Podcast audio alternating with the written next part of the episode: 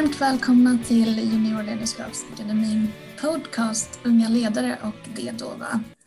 Eh, jag är en av dem som håller i podden idag och är tidigare student och eh, är med i Juniorledarskapsakademin. Eh, jag jobbar idag som kurator på Länssjukhuset i Kalmar och har tidigare studerat socionom och psykologi och master i socialt arbete. Tack snälla Ida. Eh, Anna Wahlstam heter jag. Jag jobbar som kontaktperson för Juniorledarskapsakademin och kommer i, efter, efter detta vi har spelat in så kommer jag hålla lite låg profil och mer vara regissören till den här podcasten. Så jag är bara med i det här första avsnittet och presenterar mig och är programledare tillsammans med Ida. Och vi har ju då med oss tre stycken fantastiska deltagare idag. Det är jättekul att ha er här och tack för att ni tog er tid till att komma hit. Eh, det är ju fredag den 13 idag så eh, vi får se hur det går. Och en av våra deltagare som vi har med oss är då Kristina Alser som tidigare varit landshövding i Växjö och jobbar idag som svensk ämbetsman och samt då som företagsledare. Vi har även med oss Magnus Forslund som är universitetslektor i företagsekonomi på Linnéuniversitetet. Och han har även mångårig erfarenhet av undervisning inom organisering, eh, ledning och entreprenörskap. Och sist men inte minst så har vi Maria Elander. Och hon jobbar med individ och grupputveckling i sitt företag Tonant AB med inriktning ledarskap Maria är även processledare för Juniorledarskapsakademin. Och syftet där är att utveckla studenter i sitt praktiska ledarskap. Idag så kommer vi främst att fokusera på att introducera Juniorledarskapsakademin och samt att ställa lite frågor kring egenskaper som man kan ha nytta av som ledare. Och vi har valt att dela upp frågorna lite utifrån vad vi tror att ni kan svara bäst på. Så jag tänkte börja och ställa en fråga till dig Magnus. Ehm, varför ska man välja Juniorledarskapsakademin?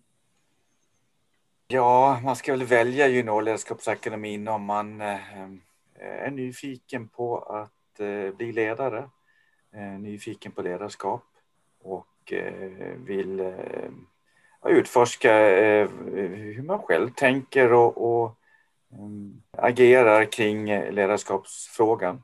Tack. Sen har jag en fråga till dig Maria. Hur har ni byggt upp Juniorledarskapsakademin? Ja, när vi fick uppdraget att skapa Juniorledarskapsakademin så tittade vi in på vad studenterna fick lära sig om, om det praktiska ledarskapet i, eh, i sina program. Och eh, vi saknade väldigt mycket där. Det var väldigt mycket teori och det var också hela tanken bakom och som, som Magnus var med då han är pappa kan man säga till Juniorledarskapsakademin. Eh, att studenterna var tvungna att förkovra sig i det praktiska ledarskapet. Så vi gick helt enkelt ut och pratade med företagsledare i näringslivet och vi pratade också med ledare i, de, i olika offentliga verksamheter. Vad, vad kände de att studenterna saknar när de kommer ut och söker ett arbete och så småningom ska gå in i en ledarroll? Och vi pratade också med studenterna och frågade dem vad saknar ni i er undervisning eh, om ni vill bli ledare? Och eh, tillsammans då så kom vi fram till en massa olika spännande aktiviteter som vi, som vi jobbar med i Juniorledarskapsakademin. Och vi jobbar väldigt mycket tillsammans med ledare också. Vi har mycket samtal, studenter, ledare, forskare tillsammans just om det praktiska ledarskapet. Så, så, så har vi byggt upp eh, Juniorledarskapsakademin och det är ett vinnande koncept. Det är väldigt roligt att se för att de studenter som har kommit ut nu i arbetslivet, de ser vi börjar gå in i ledande roller. Och vi vet också att de studenter som har varit med och är med i Juniorledarskapsakademin hamnar i den högen som intervjuas när de berättar för sina blivande arbetsgivare att de, de eh, har varit med i Juniorledarskapsakademin. Så så jobbar vi. Ja, hur länge har Juniorledarskapsakademin funnits? Ja, vi har hållit på nu i tre år. Så eh, det, ja, och vi har haft väl ungefär kanske totalt 500 studenter som har passerat igenom juniorledarskapsakademin och varit med i olika typer av aktiviteter. Så det är fantastiskt roligt. Hur länge har du varit med i, i junior? Ja, i drygt ett år tror jag. Mm. Och det var egentligen en av mina kompisar som jag studerade med som var med. Och eh, jag blev intresserad för att hon tipsade mig om det. Jag visste inte om att det fanns innan. Och sedan dess har jag varit fast. Och är det fortfarande. Sen har vi en fråga till Kristina. Varför är det viktigt för blivande unga ledare att få praktisk kunskap om ledarskap? Ja, men det är så här, duktiga ledare behövs i, i alla delar av vårt samhälle och det är ju så att ungdomen är framtiden. Och det är viktigt att både få in deras perspektiv och eh, skapa möjligheter för unga ledare att, att utvecklas och kanske också hitta lokala och regionala förebilder. Eh, jag tycker att Juniorledarskapsakademin gör någonting som är ganska unikt, för man ger möjlighet att tidigt i karriären, det vill säga när man fortfarande är student, få utveckla sitt ledarskap och få göra det tillsammans med andra ledare, både inom student, eh, studenterna, den egna generationen, men, men också med mera erfarna. Sen tycker jag det är två dimensioner i det här, att som mentor eller som deltagare som företagare så får man ju också del av ungdomens och era tankar och kan inspireras av det. Vi behöver mobilisera alla krafter för att eh, möta de utmaningar vi står inför och då är det unga ledarskapet A och O tycker jag. Nu blir jag nyfiken där Kristina. Vad ser du för skillnaden mellan det yngre ledarskapet och eh, det seniora? Ja, men många gånger modigare kan jag tycka och naturligtvis mera nyfiket och mera ledarfokuserat än chefsfokuserat. Det tror jag är den, den, den stora skillnaden. Och att man kanske också är lite, lite snabbare. Och det vi har velat när vi har diskuterat det här med, med juniorledarskap och varför är det viktigt med att få in unga ledare, det är just att många kanske är rädda för att ta på sig en chefsroll. Och det har, tycker jag att Juniorledarskapsakademin hjälper till att tona ner själva chefskapet, för där finns ju ganska mycket stöd runt omkring, men ledarskapet, Eh, det är ju skillnad att vara auktoritetschef, auktoritetschef och, och peka med hela handen och vara eh, ledare som är både lyhörd och stödjande och motiverande. Och det tycker jag, när jag har lyssnat på de exemplen, jag har ju varit med vid några tillfällen och tagit del av de unga ledare som har varit inne på företag. Och jag tycker att jag märker, eh, dels så märker man ju hur, hur de här ungdomarna, ni, växer. Men också vågar säga vad som inte funkar i, i det gamla ledarskapet om man kan säga så. Så behöver vi otroligt mycket modigt ledarskap. Vi måste få många fler att kliva fram och ta ta ansvar. Får jag haka på där? För lite grann om bakgrunden till, till den här satsningen var ju precis, eh, eller en av delarna var precis som du sa Kristina, att, att en del unga kanske inte såg framför sig att de ville ta på sig en, en, en chefsroll. Vi upptäckte det bland våra studenter vi hade här på universitetet och vi jag hade bland annat en kurs med studenter från hela Europa eh, som gick en kurs i management som man tänker sig handlar om chefskap och ledarskap.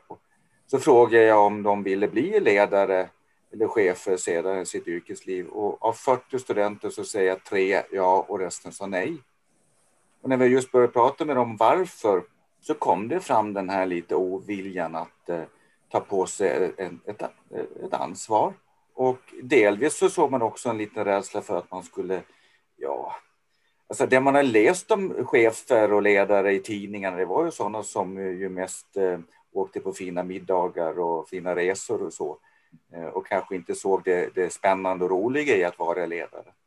Vad tror ni rädslan kommer ifrån? Jag vet inte om det är lite, lite typiskt svenskt. Jag har inga belägg för det, men jag tänker ändå att man vill inte sticka ut och, och kanske inte vågar ta de där initiativen som behöver tas. Men idag behöver vi människor som är modiga, som vågar gå utanför den här komfortzonen, eh, vågar bryta de här invanda gränserna, vågar göra nytt, ta ledarskap. Jag tycker det är jättetydligt nu i, i, i det som vi precis går igenom. Eh, det var tydligt också under finanskrisen och lågkonjunkturen när jag fortfarande var, var landshövding.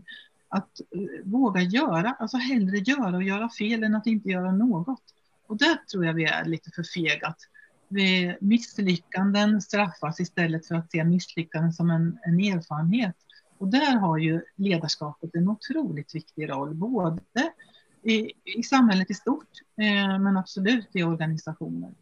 Det är bara med, genom misslyckanden som vi också lyckas utvecklas.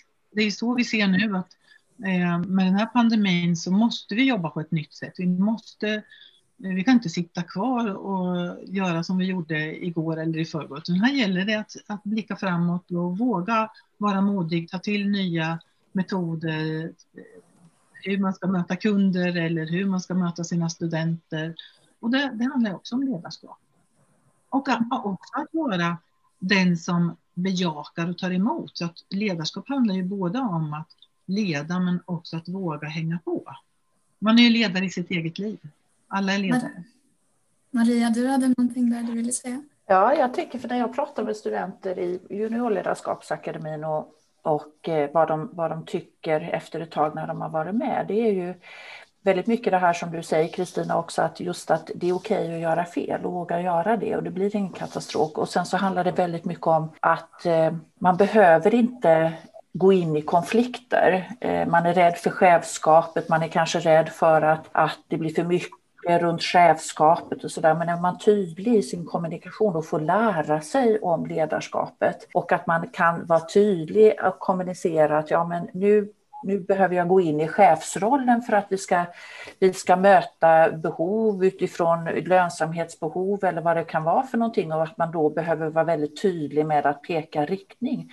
När man förstår att man kan använda den kommunikationen med sina så småningom medarbetare, då, då lossnar väldigt mycket av de här eh, rädslorna och eh, man, man förstår att ja, men det är ju jättekul att gå in i ett ledarskap. Och det är inte så, så svårt som jag kanske trodde först, utan det handlar om, om nyfikenhet, det handlar om, om att anpassa sitt ledarskap till att möta individen som jag, jag har. Och så handlar det också faktiskt väldigt mycket om att ha roligt och det, det pratar vi mycket om i Juniorledarskapsakademin, ha passion och ha roligt. Och då lättar trycket på den här eventuella chefskapsstämpeln som sitter i pannan. Och det är jätteviktigt att vi gör det. Jag tycker att vi som deltar, som då äldre och kanske mera erfarna eh, ledare, seniora ledare, det, det är det som vi verkligen ska förmedla till våra yngre, så småningom ledare också, att det är jätteroligt att vara i en ledarroll. En mentor som jag eh, pratade med, Johan Lorentzon heter han, han är bankchef på Handelsbanken här, han sa att man kan ju inte föra en organisation framåt om man inte har några följare. Och det är det som är en god ledare, att man får med sig och ibland måste man peka med hela handen. Men i det stora hela så är det viktiga för honom var, var att vara en ledare som får, får människorna med sig. Magnus, du viftade där tror jag.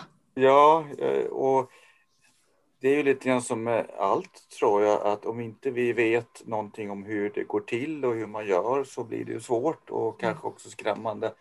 Och det har ju funnits en föreställning i vissa delar i alla fall av samhället att, att det här med att vara ledare, det är, inget, det, det är ingen konst. Det är väl bara att bli. Varför ska man ha kurser och utbildningar i det? Och det är klart att då kan man känna sig lite osäker inför det som ung. Men det finns ju väldigt mycket verktyg och modeller och metoder att använda sig av. Och då behöver man, som du säger Maria, man behöver inte då vara så osäker på hur man ska hantera olika saker. Men, och det här är en viktig sak tycker jag, att, att det vi ju såg också var att i många av våra universitetsutbildningar så har vi inte så mycket av de här inslagen. Vi, vi pratar om vikten av ledarskap och som du säger Kristina, men, men, men vi utbildar inte våra studenter, våra unga i det, konstigt nog. Eh, och det var det vi tyckte att då måste vi försöka komplettera med det utanför kursernas ram och studiernas ram där det inte blir fokus på examination utan på den här passionen och lusten, intresset för ledarskap. Det är faktiskt någonting jag tänkte på också när jag studerade, så jag håller helt med där. Vad skulle ni, om ni era egna erfarenheter, vad är en ledare?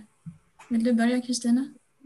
Ja, jag var inne lite på det. En ledare är ju en, en person, ja, men både, både mod och nyfikenhet tycker jag det är, det är nästan hygienfaktorer för, för en ledare. Att man både är modig, att man både kan vara stödjande och våga gå utanför den här komfortzonen men också vara nyfiken. Eh, och när det gäller nyfiken så tänker han ju väldigt mycket på den situation vi är i nu, att våga ta sig an en ny teknik eller, eller nytt arbetssätt. Eh, att, att vara både innovativ och, och, och framåt. Det innebär ju också att man är lyhörd för omgivningens eller organisationens eller marknadens behov. Så att man har en lyhördhet. För ledarskap handlar ju både om att leda människor men det handlar många gånger om att leda en organisation, ett företag som ska framåt. Och det är inte alltid det står i verksamhetsplanen eller regleringsbrevet exakt vad man ska göra. För saker och ting händer så snabbt idag så att man måste vara lyhörd för om, omvärldens behov. Och sen se lösningar.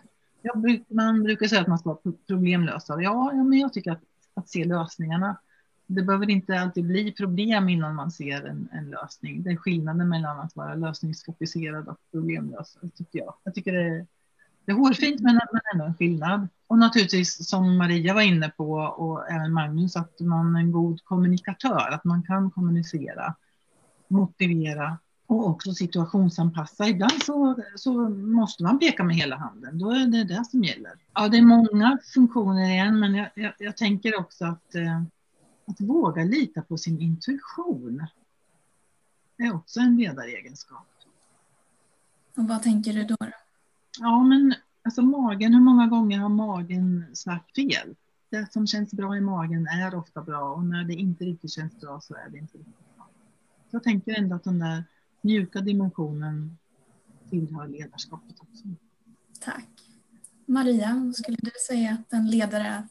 Ja, jag håller med i allt det Kristina har, har sagt. Och, och eh, en viktig egenskap tycker jag som ledare är också att vara prestigelös.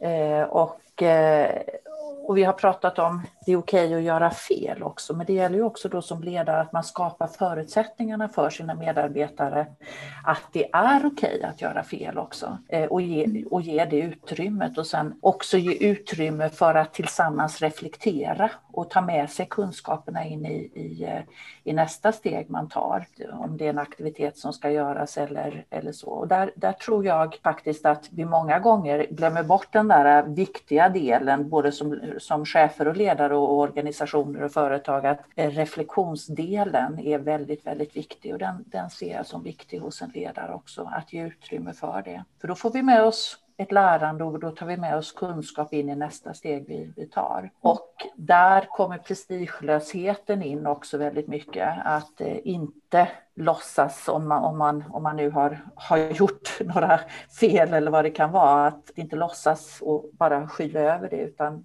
nej, jag är en prestigelös människa. Jag har inget behov av att hävda mig i det här, utan jag låter oss tillsammans träda fram och se hur vi kan lösa saker på ett bra sätt nästa gång. Har du något mer exempel på prestigelösheten? Att vara prestigelös för mig är också att, att, gå bakom och låta, låta mina medarbetare kliva fram och, och ta den, den arenan som de behöver ta. Och det handlar också om att alltid stötta Även om det kanske där och då kan vara någonting som, som eh, går mindre bra, men inte ta det i situationen. Utan att då, då tar vi hem och pratar om det sen. Det, det tror jag är viktigt också. Om det är till exempel om man ska upp och presentera någonting för en ledningsgrupp eller styrelsen eller någonting sånt där. Tills diskuterar man om det efteråt istället. Och det kan ju göra ont som eh, chef och ledare naturligtvis där och då, men låt det vara så då. Vad tänker du Magnus kring en? Ja, ja, då får jag väl gå in med någon slags eh, forskarens eh, perspektiv och säga då att eh, det beror ju på. Ibland så blir det ju, det finns väldigt mycket man kan säga om ledarskap och, och ibland så går man ju lite kanske vilse i det och då kan, man, kan det vara bra ibland att gå tillbaka till en slags grunddefinition. Och även om det finns många sådana så, så kommer ju ofta detta med mål fram. Och då är det, kan man ju säga så att ledarskap är ju att föra en grupp människor mot ett mål. Och då blir det ju det som blir det viktiga. Då beror det på hur får jag de här människorna mot det här målet? Och ibland så får jag göra si och ibland får jag göra så. Ibland krävs det här och ibland krävs det där. Och det gör att det också kan vara svårt att säga generellt vad som är rätt och bra ledarskap och vad det är. Förutom det här grundläggande då. Och det är det som gör att man ibland kan se personer som lyfts upp som, som framgångsrika ledare och chefer och som man själv kanske inte tycker, de där är väl inte så där eh, lyssnande som Kristina pratar om, eller lyhörda och de kanske inte är så där prestigelösa. Men de kanske har lyckats föra sin verksamhet till målet eh, och då är det ju också ett bra ledarskap på ett sätt då. Medan vi kanske tycker att det finns vissa saker i det där som är mindre gott. Så det här gör det lite knepigt ibland att vara alltför generell. Men om jag inte intresserar mig för målet eller dit vi ska, utan mer fokuserar på mig själv, då skulle jag säga att då är det inte något bra ledarskap. Utan det är människorna, det är verksamheten som man måste vara, vara fokuserad på. Spännande att höra alla era erfarenheter. Jag skulle vilja ställa en fråga till dig Kristina. Eh, har du några särskilda egenskaper som du tror gör dig till en bra ledare? Ja, men kanske är det två saker. Många säger ju att man, man är djurälskare. Jag tycker också om djur. Men det är väldigt få som säger att man älskar människor. Och jag tror att det är liksom min drivkraft att eh, jag tycker så mycket om människor. Jag tycker om att se människor växa. Och det gör man ju om man är prestigelös och om man ser till att, eh, att man går mot ett, det här gemensamma målet tillsammans. Och då kommer min andra grej in att en hjärna tänker bra, men tio hjärnor tänker ännu bättre.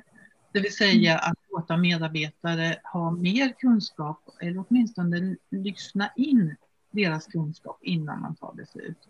Så att man involverar och medskapar. Jag tror att det, det kanske är de styrkorna jag har. Sen är jag, precis som, som Magnus säger, ganska målfokuserad och har en tydlig vision. Jag kan inte förstå hur, hur, man kan gå och lägga sig på kvällen utan att ha en vision eller mål inför nästa dag. Det låter ju supertrist, men det är faktiskt eh, lite, lite triggande också. Jag tror att det, det, handlar väldigt mycket om det här att, att kunna se, inte kunna se, utan vilja se människor växa och att inkludera och medskapa tillsammans. Kristina, där måste också lägga till att, att du är väldigt duktig, tycker jag, på att inte bara involvera medarbetarna utan också människor och aktörer i andra organisationer. Det är samverkan över gränser som också måste till. Ja, men det, det är ju sant. Och där har du kanske lite mod. Eh, modet att våga göra annorlunda, så att se helheten, att inte bara se min del utan se vår gemensamma samma helhet. Och det tycker jag att jag många gånger saknar. Eh, man, man gör sitt eh, och det var som jag sa tidigare, man har sin verksamhetsplan eller sitt regleringsbrev. Men om det inte ger effekter utan vi måste göra tillsammans. Det är väl lite så mina uppdrag också ser ut idag, att det handlar om att överbrygga de här olika enskilda stuprören och våga ta initiativ. Jag tänker att vissa dagar så kanske man inte alltid är så pepp på att jobba oavsett om man trivs med sitt jobb sådär. Och jag skulle vilja höra lite med Maria och Magnus Eh, hur gör ni för att orka jobba som ledare när ni känner att er energi håller på att ta slut? Vill du börja Magnus?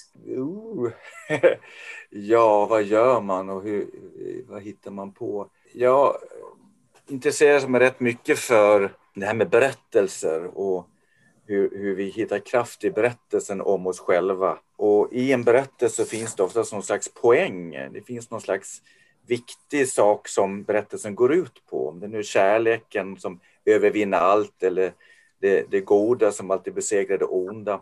Jag har försökt att, att identifiera den där poängen, det jag håller på med, eh, vad, vad, det går ut på på något sätt. Och den tycker jag att jag kan hitta energi i. Det, det gäller ju bland annat det här projektet som vi jobbar med nu och det här juniorledarskapet är en del i det här. Att poängen att det här ska vara lustfyllt det, det återkommer jag ofta till. Eh, tycker man inte det här är roligt, då får man inte vara med och vi struntar vi i dem. Det har jag sagt till Maria ibland att vi, ja, vill de inte studenterna så då struntar vi i dem, då tar vi med dem som vill någonting. Och det har varit en viktig drivkraft tycker jag. Och det får mig då att hitta energin de här jobbiga dagarna också. Maria?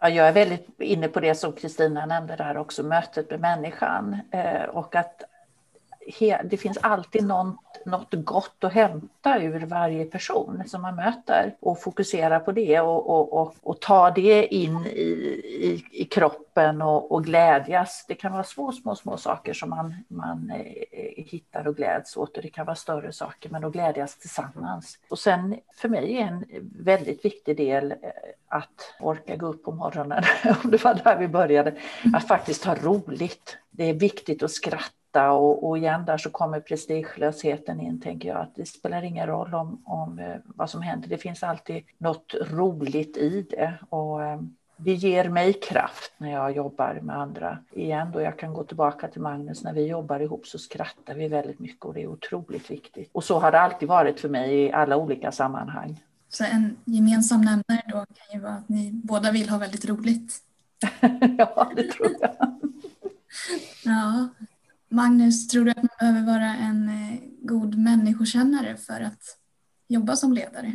Ja, jag skulle nog haka på det som eh, Kristina pratade om, lyhördhet. Det finns lite olika sätt att, att, prata om det där eller börja den diskussionen, men ska jag kunna bidra till att vi går någon i någon viss riktning eh, så behöver jag ju ta in information Eh, och det från alla håll och kanter för att utifrån det där kunna ta beslut om vad vi ska göra. Och då kan det ju vara formella beslut, men det kan också vara de här informella beslut hur jag ska bemöta Maria på nästa möte till exempel för att vi ska, ja, för att vi ska hitta den här glädjen. Ja, då behöver jag kunna ta in information och jag behöver kunna förstå den och hur den kan påverka olika saker. Och då behöver jag kunna känna av energier eller liksom stämningar och sådana här saker. Så människokännare, ja, det kanske man behöver vara, men, men framförallt så behöver man nog kunna förstå hur människor kan uppleva saker och ting och ta in information från dem så att man kan förstå vad som händer. Vad tänker ni, varför har ni valt att bli ledare eller att ha en ledarroll? Det är lite korta svar där. Kristina, vill du börja?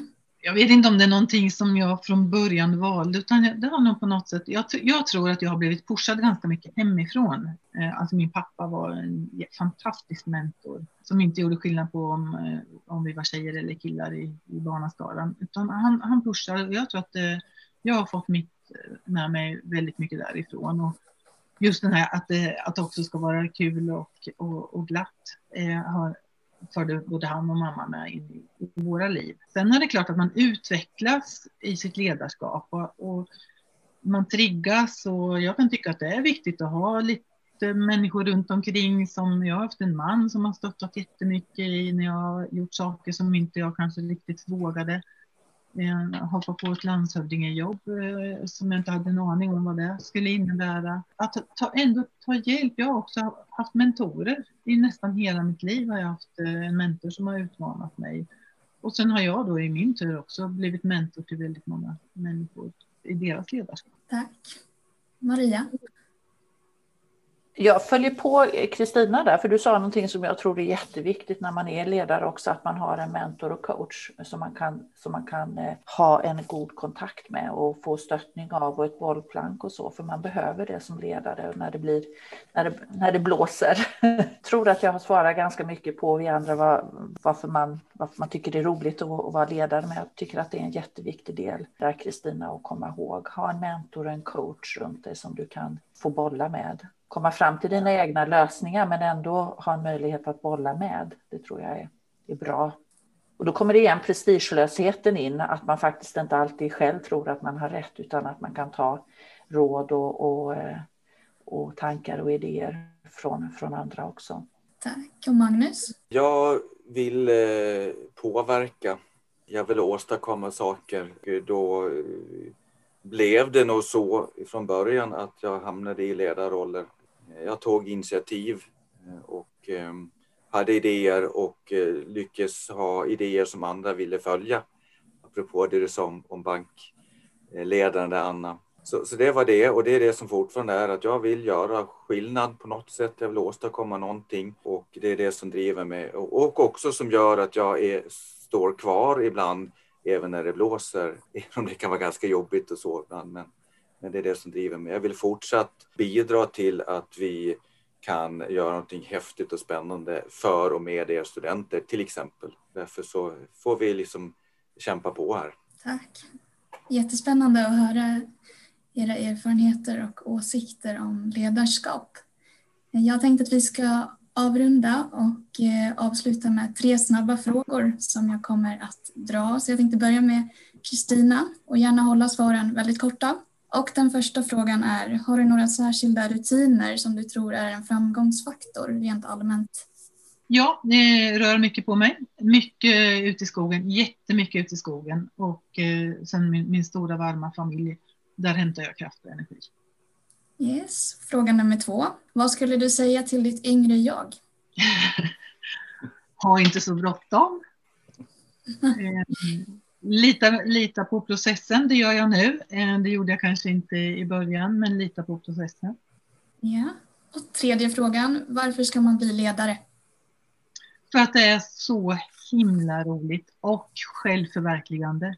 Lite som eh, Magnus har varit inne på, att ja, man kan stilla sin nyfikenhet. Tack Kristina. Nu kör vi Maria. Första frågan, har du några särskilda rutiner som du tror är en framgångsfaktor rent allmänt? Mm, jag mediterar och jag är ute och går med mina hundar och eh, umgås mycket med min familj. Det tror jag är rutiner som är bra för mig. Då fråga nummer två. Vad skulle du säga till ditt yngre jag? Lev livet precis så som du har gjort, Maria, eller kommer att göra. Då kommer du få jädra kul resa. och fråga nummer tre, varför ska man bli ledare? För du får en fantastisk och utvecklande resa både med dig själv och med andra. Tack Maria. Och Magnus, nu blir det lite upprepning här men det är bara bra så att vi kommer ihåg dem. Har du några särskilda rutiner som du tror är en framgångsfaktor rent allmänt? Jag har inte rutiner men jag lyssnar mycket på musik. Fråga nummer två, vad skulle du säga till ditt yngre jag? Ja, ha mindre bråttom, ha mer tålamod. Tredje frågan, varför ska man bli ledare? Därför att världen behöver dig. Mm. Jättebra. Tack snälla för att ni var med. Om det är så att eh, lyssnarna skulle vilja få tag på er, går det att nå er på något sätt? Kristina? Ja, finns på eh, LinkedIn, på Facebook eh, och Insta. Jättebra, det är bara att söka på ditt namn? Jajamensan. Yes. Maria? Mm, finns på LinkedIn och eh, under min hemsida Tonant AB. Toppen. Och Magnus? Ja, jag finns väl lite överallt, men vi har ju en sajt i projektet som heter ledarkunskap.se. Där får ni gärna gå in och läsa mer om projektet och där finns jag väl också möjlighet att nå. Toppen, då vet vi vart vi kan vända oss för att få lite mer expertkunskap om ledarskap. Och mig och Anna hittar ni också på LinkedIn, Facebook eller Instagram. Tack snälla för att ni har varit med. Tack själva. Tack själva. Verkligen, tack Ida. Fantastiskt. Och tack till er deltagare som har varit med idag. Tack så jättemycket. Hej då! Tack, hej då! Hej, hej.